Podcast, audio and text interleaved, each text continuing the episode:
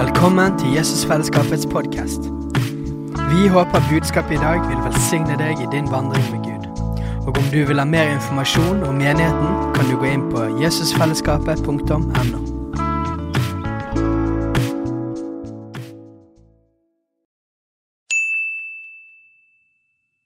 Hei! Visste du at Jesusfellesskapet starter en ny bibelskole til høsten? Den heter Jesusskolen og starter den 3. september. Gå inn på jesusskolen.no for mer informasjon. Ja, jeg heter Bruce. Det er en del av dere som kjenner meg, men noen ikke nødvendigvis så godt. Um, skal vi se Det er nyttår. Nyttår begynte i går. Dette har jeg gjort mer enn 60 ganger før. Uten å nevne navn så er det bare én person her som har gjort det flere ganger enn meg. Um, jeg ikke vokste opp i en kristen familie, men jeg ble kristen omtrent uh, på den tiden da Steinar ble født. Så uh, ja. Så en av oss ble født på ny, eller, eller noe sånt. Um, jeg har vært en lovsangsleder faktisk uh, den gangen Katrine og Steinar fant hverandre. Da var Katrine fast barnevakt hos oss. Da Ellen og jeg var lovsangsledere i Katrines foreldre sin lovsangskole. Så litt om tilbedelse har vi lært underveis. Og jeg har faktisk tenkt å snakke litt ja, Jo, jeg skal nok snakke om tilbedelse på en litt annen måte. Jeg skal ikke snakke om lovsang. Men vi, vi sang i dag nå om uh, jeg skal tilbe med hele mitt liv. Husker dere det?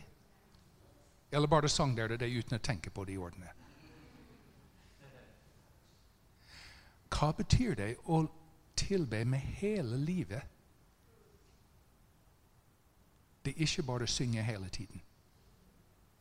Det er ikke det. Altså, lovsang er helt fantastisk. Jeg er veldig glad i lovsang, men lovsang er bare en liten del av hva tilbedelse er. Så Vi skal begynne med å se på Salme 2. Dette var det ikke på listen min, dette kom jeg på mens vi var her. Eller, Jeg har ikke kommet på denne salmen, men jeg skal lese denne salmen. Hvorfor er det folkeslag i opprør? Hvorfor grunner folkene på det som er forgjeves? Jordens konger reiser seg. Fyrstene slår seg sammen mot Herren og mot Hans salvede.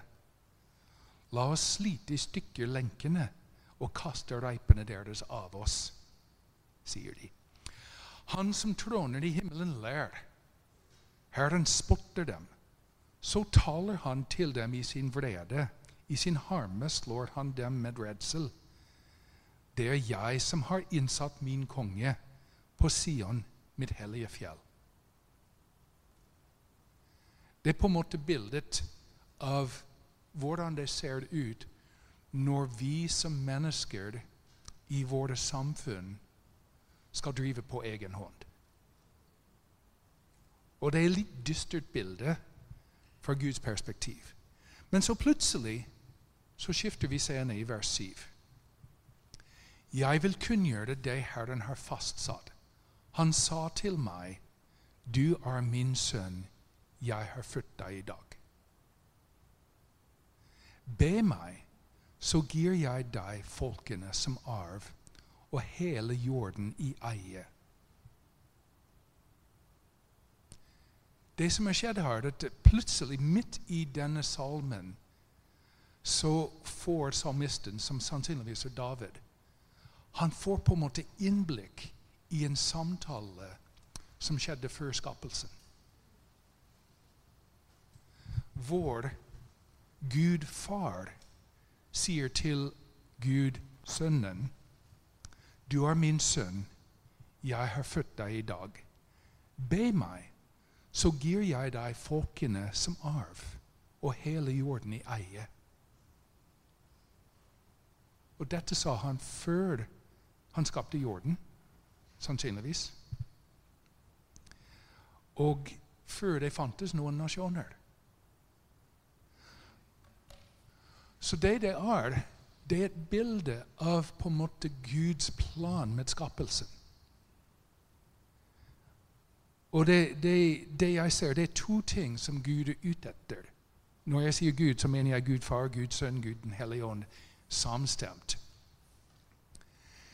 De ønsker å skape barn til Gud far og en brud til Guds sønn.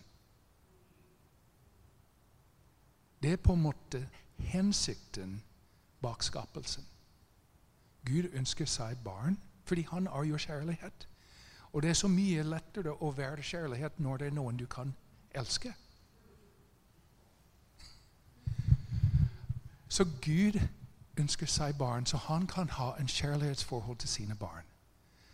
Og Gud ønsker å gi sin sønn det beste han kan, og det er en brud som elsker hans sønn. Tilbedelsen handler det om at vi kan være de to tingene.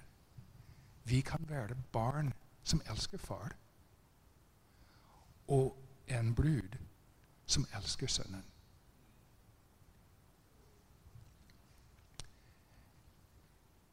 Barn elsker far. Det er en som individuell greie. Men bruden som elsker sønnen, det er en kollektiv greie. Sønnen skal ikke ha billioner av bruder. Han skal ha én brud, og det er ikke bare oss, men det er faktisk alle troende. Tilbedelsen er det vi klarer å bli de tingene. Både individer som elsker far, og en kollektiv brud som er utrolig vakker og forelsket i sin brudgom.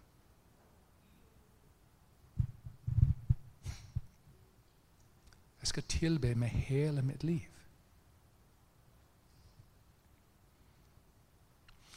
Og så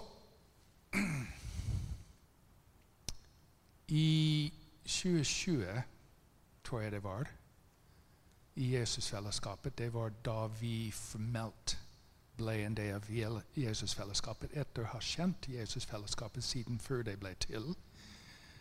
Um, så hvis jeg husker riktig, det var det året at det var mye fokus på det store oppdraget. Stemmer det? Ja. ja. Vi snakker veldig mye om det store oppdraget. Hvis du hører om det store oppdraget feil, så blir du bare utslitt. Fordi det oppdraget kan ikke du gjøre det i egen styrke. Men i et nøtteskall, det store oppdraget for Matteus 28 er det 'gå derfor og gjør alle folkeslag til disipler'. Husk nå at Gud far sa til Guds sønn 'Jeg skal gi dere folkeslag'. Så det store oppdraget er egentlig det samme her. Å gjøre nasjoner eller folkene til mennesker som elsker far, og mennesker som blir en del av bruden. Og det skal man gjøre gjennom å disiple.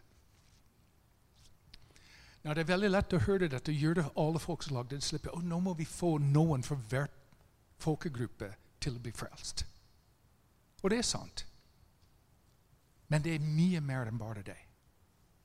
Fordi det å bare bli frelst gjør det ikke man til en brud eller en sønn. Det er et godt start. Det er en nødvendig start. Men vi skal ikke stoppe der. Vi skal bli disippelgjort.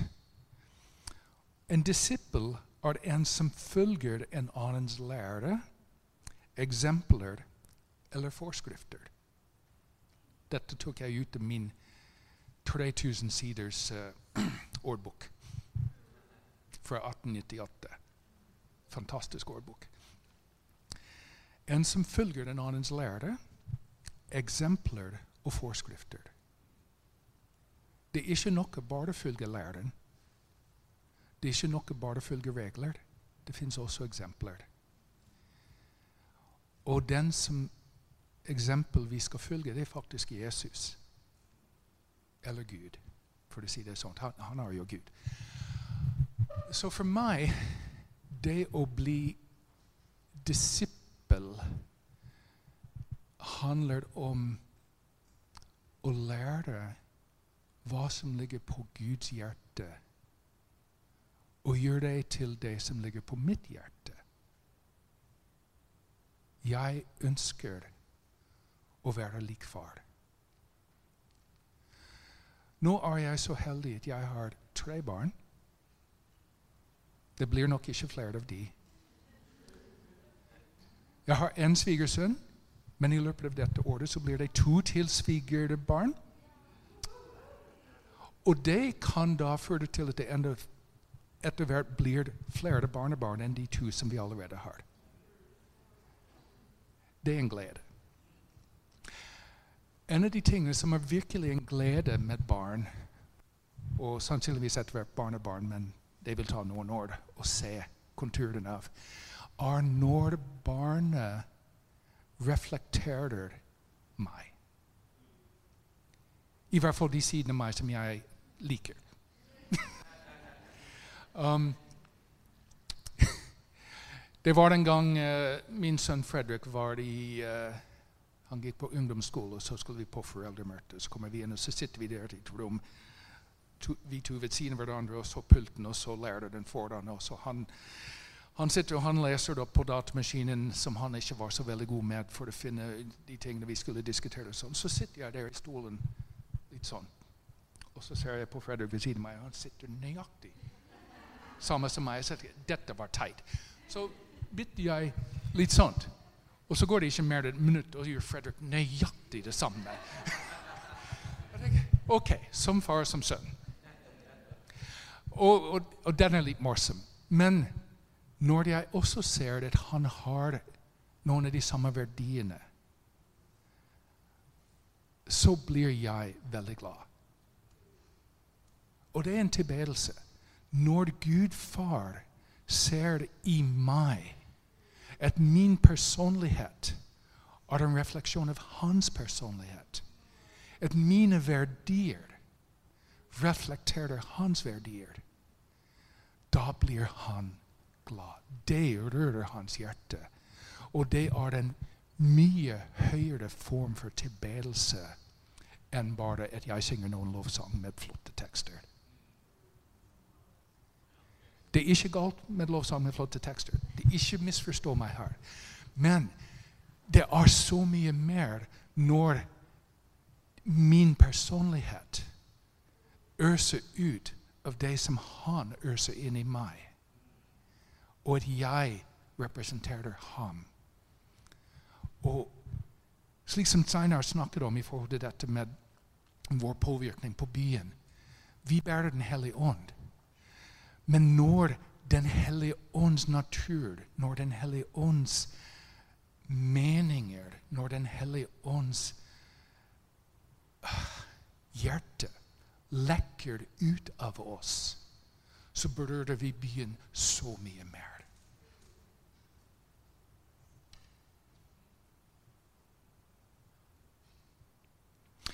Hebreabrevet 1, vers 1. Mange ganger og på mange måter har Gud i tidligere tider talt til fedrene gjennom profetene. Men nå, i disse siste dager, har Han talt til oss gjennom Sønnen. Um, I grunnteksten så står det egentlig han har talt til oss gjennom sønn. Det er ikke feil å tolke det som sønn, for det er litt som klumsete grammatikk å si han har talt gjennom sønn. Og det, og det er riktig han har talt gjennom Jesus, sønnen.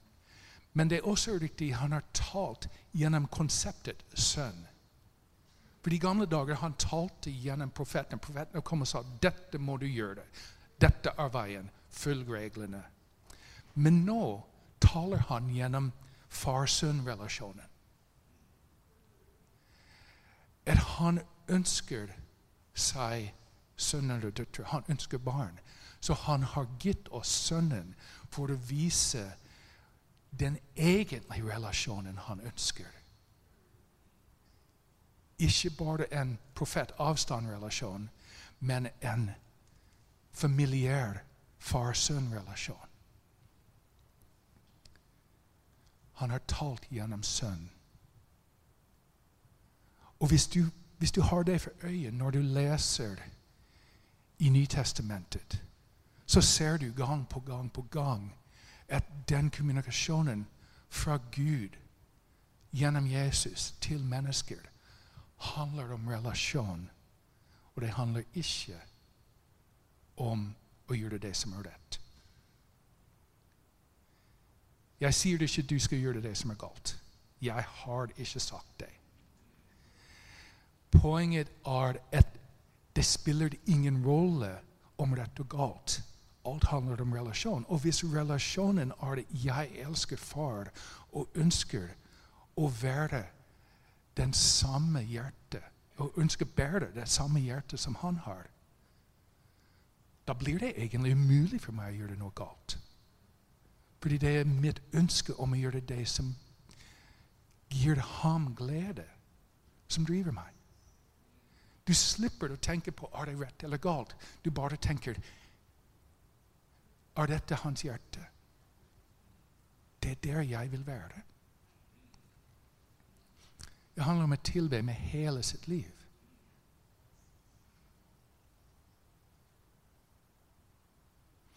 Så det var dette han har talt gjennom Sønnen.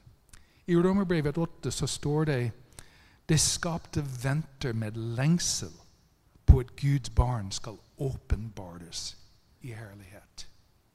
Det er veldig lett å lese dette og tenke det, det er jo etter Jesus kommer etter ja, alt dette. Men skapelsen lengter i dag om at vi skal åpenbares som Guds sønner og døtre. At den åpenbaring av Guds hjerte skal være synlig i samfunnet i dag. Ikke bare en gang i fremtiden, men også nå.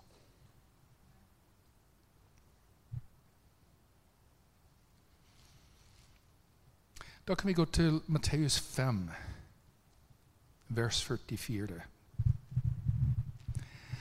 Der står det som et eksempel på Guds hjerte. Men jeg sier dere, elsk deres fiender. Velsign dem som forbanner dere. Gjør godt mot dem som hater dere. Og be for dem som mishandler dere og fullfølger dere. Slik kan dere være barn av deres far i himmelen. For han lar sin sol gå opp over de onde og de gode, og lar det regne over rettferdige og urettferdige. Hele bergprekenen er Jesu bilde av hvordan Guds hjerte fungerer. Bergpreken er ikke en ny og strengere lov enn Moseloven. Bergpreken er et bilde av Guds hjerte. Og i dette tilfellet nå, Her står det slik kan dere være barn av deres far. Det er en litt fattig oversettelse. Det er mer riktig å oversette det slik kan dere være åpenbart som barn av deres far i himmelen. For det er ikke som at du må gjøre disse tingene for å være hans barn. Men ettersom vi gjør disse tingene, så åpenbares det at vi bærer hans hjerte, og vi er hans barn. Husk, hele skapningen venter på at barnet skal åpenbares. Og en måte vi gjør det er akkurat her. At vi lever et liv som er et uttrykk av det som er Guds hjerte. Og så i eksempelet her så var det 'elsk deres fiender'. Det er alltid kjekt, ikke det? Jeg syns det er utfordrende. Det er mindre utfordrende i dag enn det var for noen år siden. Det kan jeg si. Velsign dem som forbanner dere. Jeg har funnet ut at det er en av de mest kraftige våpen vi har i åndelig krigføring.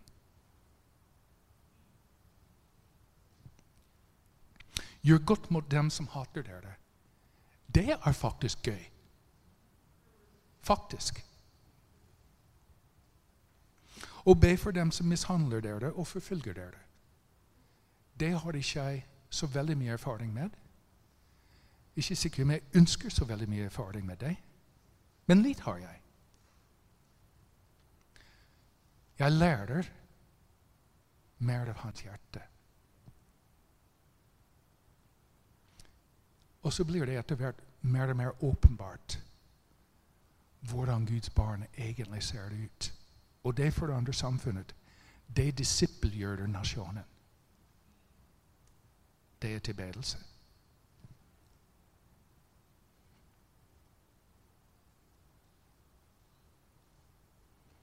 Skal vi se hmm. tror vi skal Vi skal lese Ordspråkene 8. Vi skal se på hele kapittelet. Så får vi se hva som skjer der.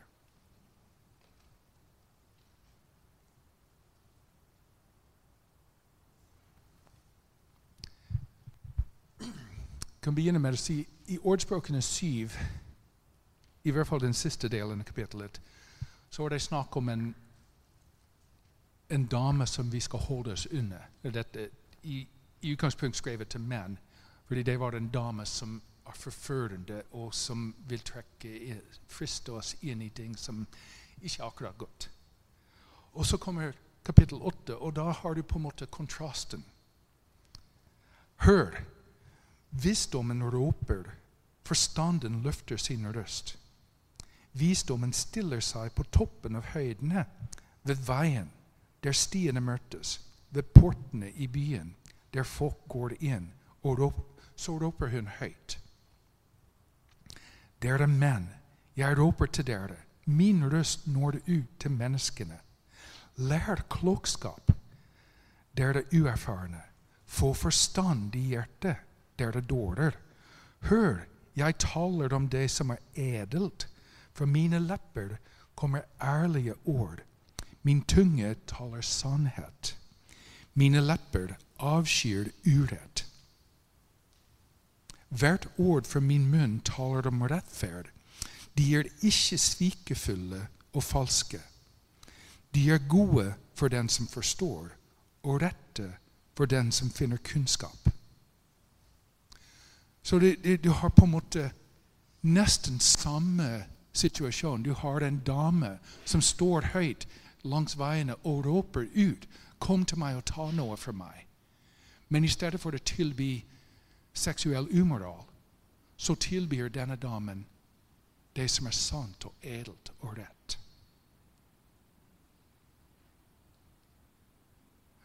Det omtales som en dame her. Men det er jo visdommen Gud. Eller litt seinere i, i kapittelet Jeg skal komme tilbake til det, men så viser det seg å være faktisk Jesus.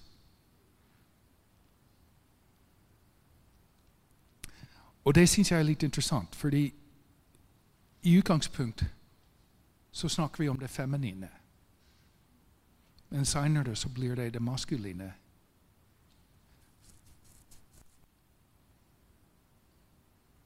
Er det et problem? Nei. Men i samfunnet i dag så har vi et problem. Fordi det er sterke krefter i samfunnet som ønsker å viske ut hele den kjønnsgreien.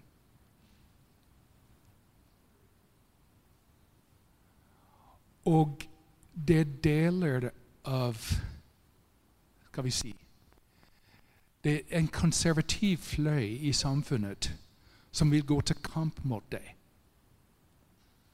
Og det er ikke nødvendigvis galt, fordi det er en løgn som spres. Et, et kjønn hos mennesker ikke betyr noe. Men jeg er usikker om å gå til kamp er virkelig måten å løse dette. Fordi dette jeg tror, er det det som skjer i samfunnet, er en bevisst strategi for fienden til å ødelegge vår mulighet til å se det som vi leser om nå i kapittel 8. At Gud er faktisk ah, Nei, dette, blir feil. Det er fordi det er veldig vanskelig å beskrive Gud fra et menneskelig perspektiv. Men, så, så ikke misforstå meg her, men han er tvekjønnet. Ved dette mener jeg han har en maskulin side, og han har en feminin side. Gud skapte mennesker i sitt bilde. Menn og kvinner skapte ham. Det feminine kom fra Gud, det maskuline kom fra Gud. Begge deler fins i Gud. Begge deler til en viss grad fins i hver av oss. Den far-sønn-relasjonen det er en maskulin relasjon. Den Jesus og brudet-relasjonen det er en feminin relasjon. Vi skal være med i begge deler. Kjønnsforvirringen som samfunnet prøver å få utløst, har som hensikt å ødelegge vår evne til å se Gud som både maskulin og feminin. Hvis vi slår ned på kjønnsforvirringen i samfunnet, så kan vi faktisk gå så langt vi også slår ned på dette og mister noe veldig viktig om Gud. Så jeg tror at måten å faktisk slå ned på den kjønnsforvirringen som vi ser i samfunnet, er at vi viser det ekte kjønnsperspektivet som finnes i hele Gud. Igjen at barnet skal åpenbares slik som hele skapningen venter på. Jeg vet ikke akkurat hvordan vi skal gjøre dette. Annet enn vi må se mer og mer på ham og få mer og mer av hans hjerte i oss. Og at det skal lekke ut. Så jeg syns det er veldig spennende. Selv om you know, Ikke misforstå, fordi hele den kjønnsforvirringskampen syns jeg er veldig forstørrende, men det er samtidig veldig spennende hva Gud kommer til å åpenbare som konsekvens av dette. Men vi vil bare se det hvis vi ser etter hans hjerte. Ja, det, det var det et sidespor. um, så går vi tilbake til årsbøkene åtte. Ta imot min formaning fra vers 10. Heller enn sølv. Og kunnskap framfor utsøkt gull. For visdommen er bedre enn perler. Av alle skatter det er ingen som hun.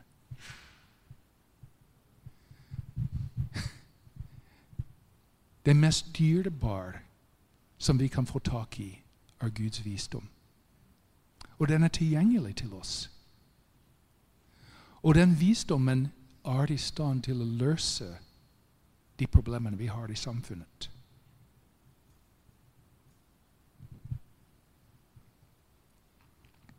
Jeg, visdommen, bor sammen med klokskap.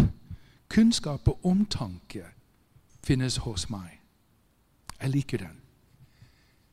Kunnskap og omtanke. Det er ikke nok med bare kunnskap da, da får du veldig mye rett og galt og veldig lite nåde. Det er ikke nok med bare omtanke. Da kan du lett få noen av de problemene man har i forhold til synd. At vi har så mye omtanke for menneskers følelser at vi ikke faktisk tar tak i det som er Guds vei men kunnskap og omtanke sammen. Krydret med Guds hjerte. Det er visdommen. Å frykte Herren er å hatte det onde. Jeg hatter hovmod og stolthet, den onde vei og all svikefull tale. Uff. Kanskje jeg skal bare holde munn. Det er så lett å si ting vi ikke burde sagt. Men visdommen holder seg unna det. Råd og klokskap, klokskap hører meg til. Jeg har innsikt. Jeg har styrke. Ved meg hersker konger, og fyrster fastsetter hva som er rett. Ved meg rår fyrster og stormenn, alle som styrer rettferdig. Jeg elsker dem som elsker meg, og de som søker, de finner meg. Hos meg er velstand og prakt, rettferd og varig rikdom. Min frukt er bedre enn det fineste gull.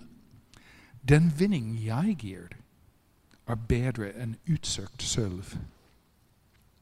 Jeg går på rettferdighetens vei og holder meg på de rette stier.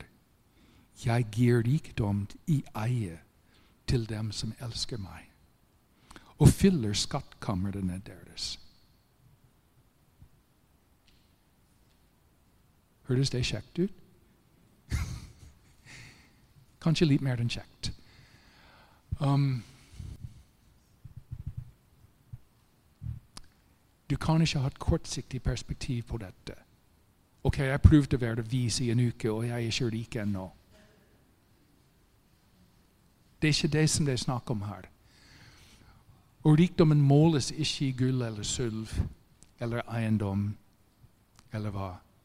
Det er veldig mye rikdom å ha i det å bare bli mer og mer fylt av hans hjerte.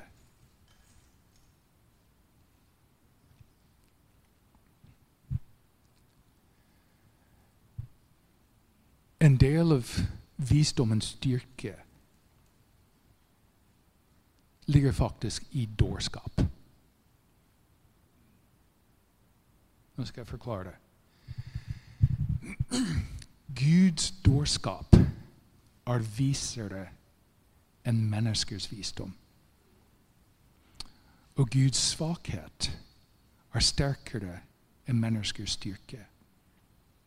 Det står i 1. Korinterbrevet. Hvis ikke du vet hvor, så let etter det. Veldig bra saker, hele de kapitlene.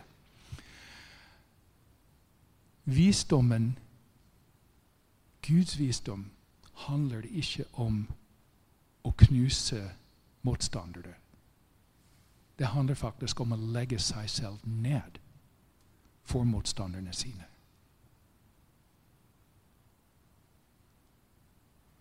Guds styrke viser seg gjennom det som ser ut til å være svakhet. Guds visdom viser seg gjennom det som ser ut til å være dårskap.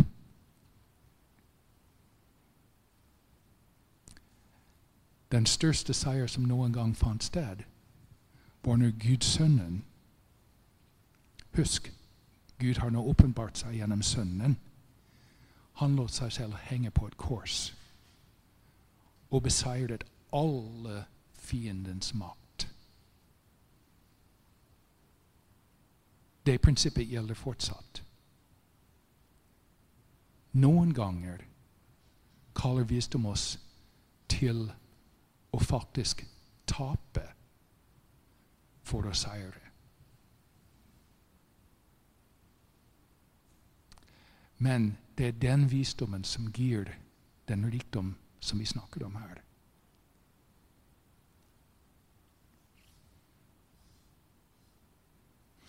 Da går vi videre for vers 22. Herren bar meg fram som sitt første verk. Før hans gjerninger de fjerne tider, fra eldgammel tid ble jeg formet. I begynnelsen, før jorden ble til. Jeg ble født da dypene ikke fantes, og de vannrike kildene ikke var til. Før fjellene var satt på plass, før høydene ble jeg født. Han hadde ennå ikke laget jorden og marken og landjordens første støvkorn. Jeg var der da han grunnfestet himmelen, og risset opp himmelranden over dypet, da han ga kraft til skyene der oppe, og kildene i dypene fikk styrke, da han satte grenser for havet, så vannet stanset der han befalte, da han risset opp jordens grunnvoller. Jeg var byggmester hos ham. Jeg var til glede for ham dag etter dag og lekte stadig for hans ansikt. Ser du bildet? Nå snakker vi om Jesus, helt klart. Fordi det, you know, Nytestament forteller oss at you know, alt det som ble skapt, ble skapt gjennom Jesus og for Jesus. Og er det, know, Jeg var bygningsmann hos Gud. Det var jo Jesus. Og så sier han Og så lagde vi alle disse tingene, og så fikk jeg meg en lekeplass.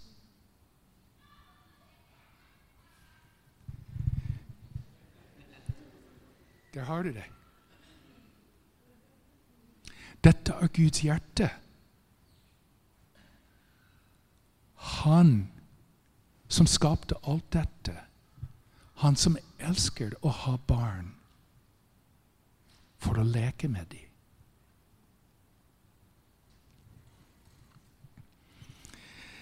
Jeg lekte stadig for hans ans Jeg lekte på hans jord og gledet meg med menneskene. Så hør nå på meg, barn. Salige er de som følger mine veier.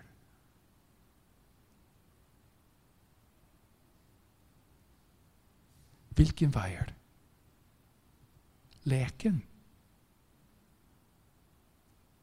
Relasjon med barn. Relasjon mellom far og sønn.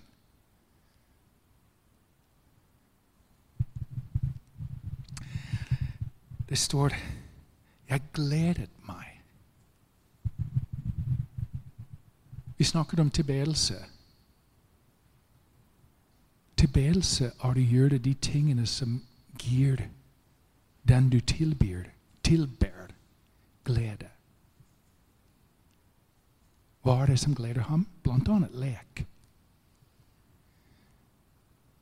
Den tanken om at vi skal være så dønn alvorlige for å kunne klare å bli kristne, det er ikke helt hans hjerte. Ikke misforstå igjen. fordi så klart, det er alvorlige ting i denne verden. Og det, og det å disippelgjøre nasjoner er det ikke bare lek. Men det er langt mer effektivt å leke oss fram til disippelgjøring enn det er å være dønn alvorlig. Fordi det handler om relasjonen mellom far og sine barn. Og hele skapningen venter på, lengter etter, at Guds barn skal åpenbares.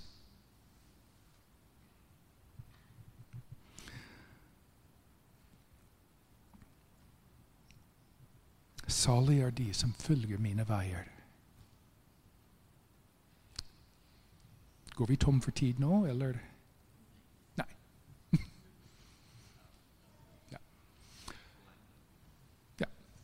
Nei uh,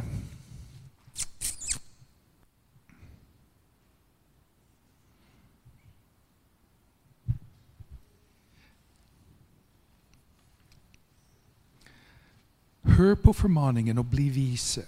Forakt den ikke.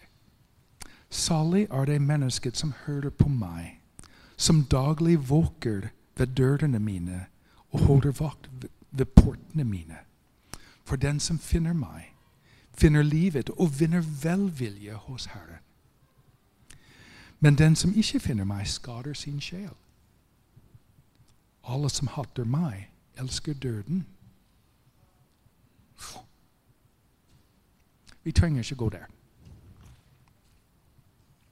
Men dette med å glede Gud Vet vi hvordan vi gjør det?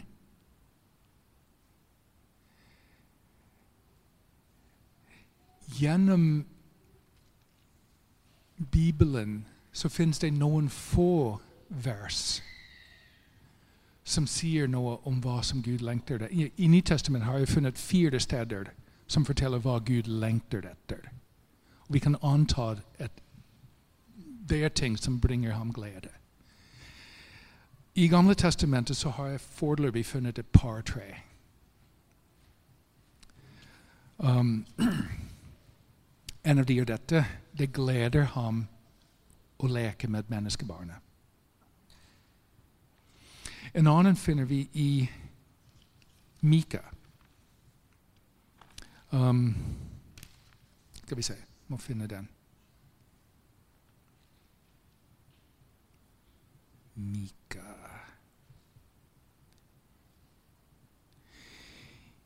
I Mika vers 6, ja, kapittel 6, vers 8, så står det Han har kunngjort for deg, menneske, hva godt er, og hva krever Herren av deg. Bare at du gjør rett, viser trofast kjærlighet og vandrer ydmykt med, med, din Gud. Der står det 'krever' og ikke 'glede'. Men hvis vi går til neste kapittel, uh, kapittel 7, vers 18 Her beskriver Mika Gud. Så, Hvem er en Gud som du, en som tar bort skyld og tilgir synd for den resten han eier? Han holder ikke evig fast på vreden, for han vil gjerne vise miskunn. Uh, I min engelske versjon så står det 'He delights to show mercy'. Eller 'Det er hans glede å vise miskunn'. Det er et av de få stedene hvor vi faktisk ser det ordet 'delight' er litt vanskelig å oversette til norsk. Jeg vet ikke hvordan du ville oversette det, Fredrik. Ja, no, så det, men, uh, men you know, Gud gir et sånt uttrykk av noe som betyr så mye for ham. Og det er det å vise nåde, eller vise miskunn. Tenk hva det gjør for ham når vi også gjør det.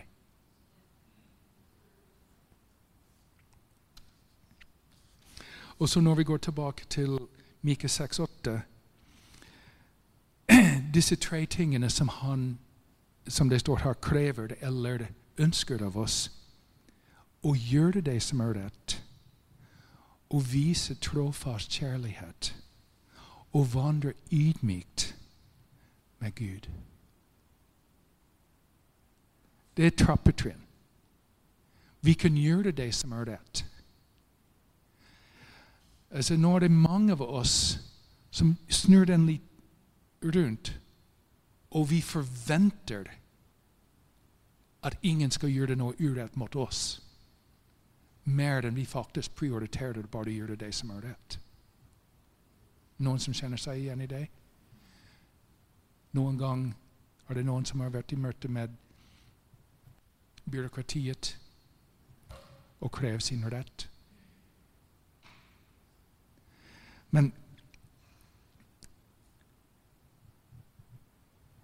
vi skal gjøre rett.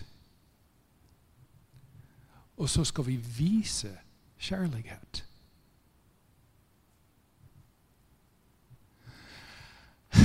I 1. Korinterbrev 13 så står det noe om kjærlighet at kjærlighet um, holder ikke på det onde, tror jeg det er uh, på norsk. I hvert fall en oversettelse. På engelsk så er den oversatt 'keeps no record of wrongs'. Den er utfordrende. Hvor mange husker noe urett de har mottatt? Bør vi det? Kjærlighet holder det ikke på det onde. Det er et lite trinn opp fra å bare gjøre det rett. Gjør rett, vise kjærlighet, og så vandre ydmykt sammen med Gud. Min kone har et fantastisk bilde av hva det betyr. Du husker kanskje det står i Jesaja 40 om uh, den som venter på Herren, får ny styrke.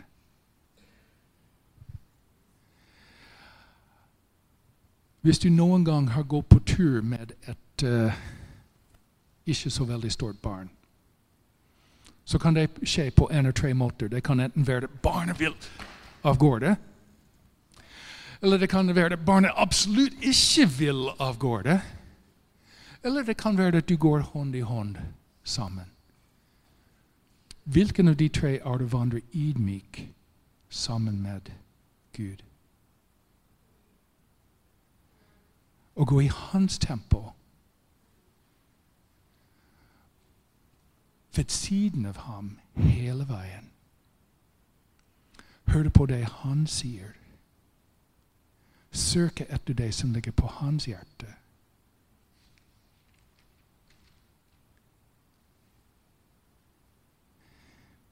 Det er veldig lett å høre hans ord og løpe av gårde. I stedet for å høre hans ord og vente på Herren, og så få ny styrke.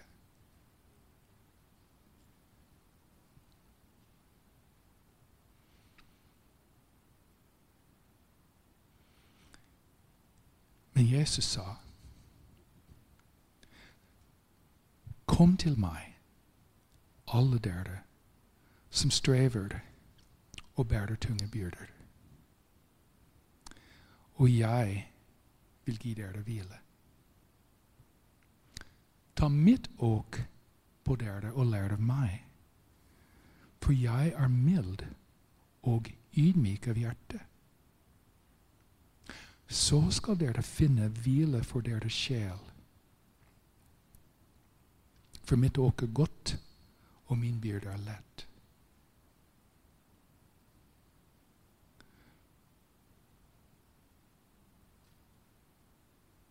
Ja. Amen.